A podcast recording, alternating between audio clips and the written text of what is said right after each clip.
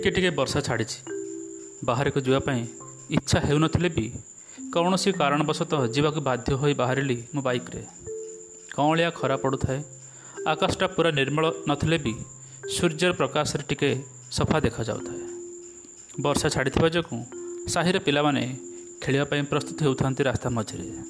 ସେମାନଙ୍କୁ ଆଡ଼େଇ ଟିକେ ଆଗକୁ ଯାଇଛି କି ନାହିଁ ଦେଖିଲି ସପ୍ତରଙ୍ଗୀ ସୁନ୍ଦର ଇନ୍ଦ୍ରଧନୁଟିଏ। ସତରେ ଖୁବ୍ ସୁନ୍ଦର ଦେଖାଯାଉଥାଏ ସେ ଦିନର ଆକାଶଟି। ଦୀର୍ଘ ଦଶ ବାର ବର୍ଷ ପରେ ବୋଧେ ଏତେ ସୁନ୍ଦର ଇନ୍ଦ୍ରଧନୁଟିଏ ଦେଖିଲି। ସେ ପୁଣି ସାମାନ୍ୟ ବଡ଼ ଆକାରରେ। ଗାଡ଼ିକୁ ଟିକେ ପାଖେଇ ଦେଖିବାର ବିବଶ ହୋଇଗଲି ମୁଁ କିଛି କ୍ଷଣ ପାଇଁ। ଦେଖୁ ଦେଖୁ ଆସ୍ତେ ଆସ୍ତେ ଭାଙ୍ଗିଗଲା ସେ। ଆଉ ମୁଁ ବାଇକ୍ ଷ୍ଟାର୍ଟ କରି ତା ଆଗକୁ ଆଗକୁ ଯିବାକୁ ଲାଗିଲି। କହିବାକୁ ଗଲେ ସେପଟେ ହିଁ ମୋର ଯିବାର ଥିଲା କିନ୍ତୁ ମୋତେ ଏପରି ଲାଗୁଥାଏ ଯେପରି ସେ ମୋତେ ଦେଖି ଲୁଚି ଲୁଚି ଯାଉଛି। ମୋତେ ଏପରି ଲାଗିଲା ଯେପରି ସେ ମୋ ପାଇଁ ହିଁ ଆସିଥିଲା ଆଜି। କାରଣ କେହି ଜଣକୁ ବି ତାକୁ କି ଆକାଶକୁ ଚାହିଁ ରହିବାର ମୁଁ ଦେଖିବାକୁ ପାଇଲି ନାହିଁ। ସେ ଯାହା ହେଉ ମନଟା ମୋର ଖୁବ୍ ହାଲକା ହୋଇଗଲା ତାକୁ ଦେଖି ଏବଂ ମୁଁ କିଛି ବଜାର କାମ ଶେଷ କରି ଘରକୁ ଫେରିଲି। ଆସିଲା ପରେ ଇଚ୍ଛା ହେଲା ଛାତ ଉପରୁ ଯାଇ ଟିକେ ଆକାଶ ଆଡ଼େ ଆଖିଟା ବୁଲେଇ ଆଣିବା ପାଇଁ। ଉପରକୁ ଯାଇ ଦେଖେ ତ ଆକାଶଟା ପରେ ନିର୍ମଳ।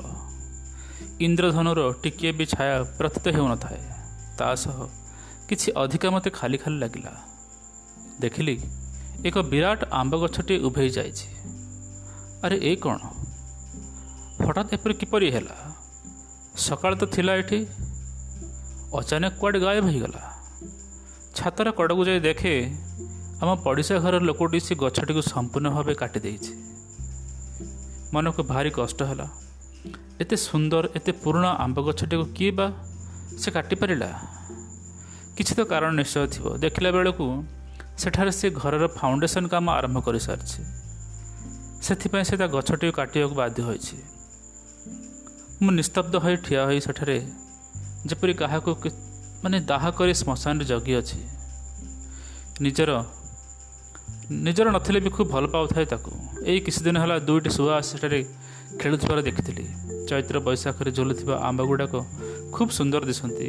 କାଉ କୋଇଲି ମାଙ୍କଡ଼ ଇତ୍ୟାଦି ସେଠାରେ ଉପଦ୍ରବ କରନ୍ତି ଏବଂ ମୁଁ ସେମାନଙ୍କୁ ମଜା ନେଉଥାଏ। ଆଉ ସେସବୁ ହେବ ନାହିଁ।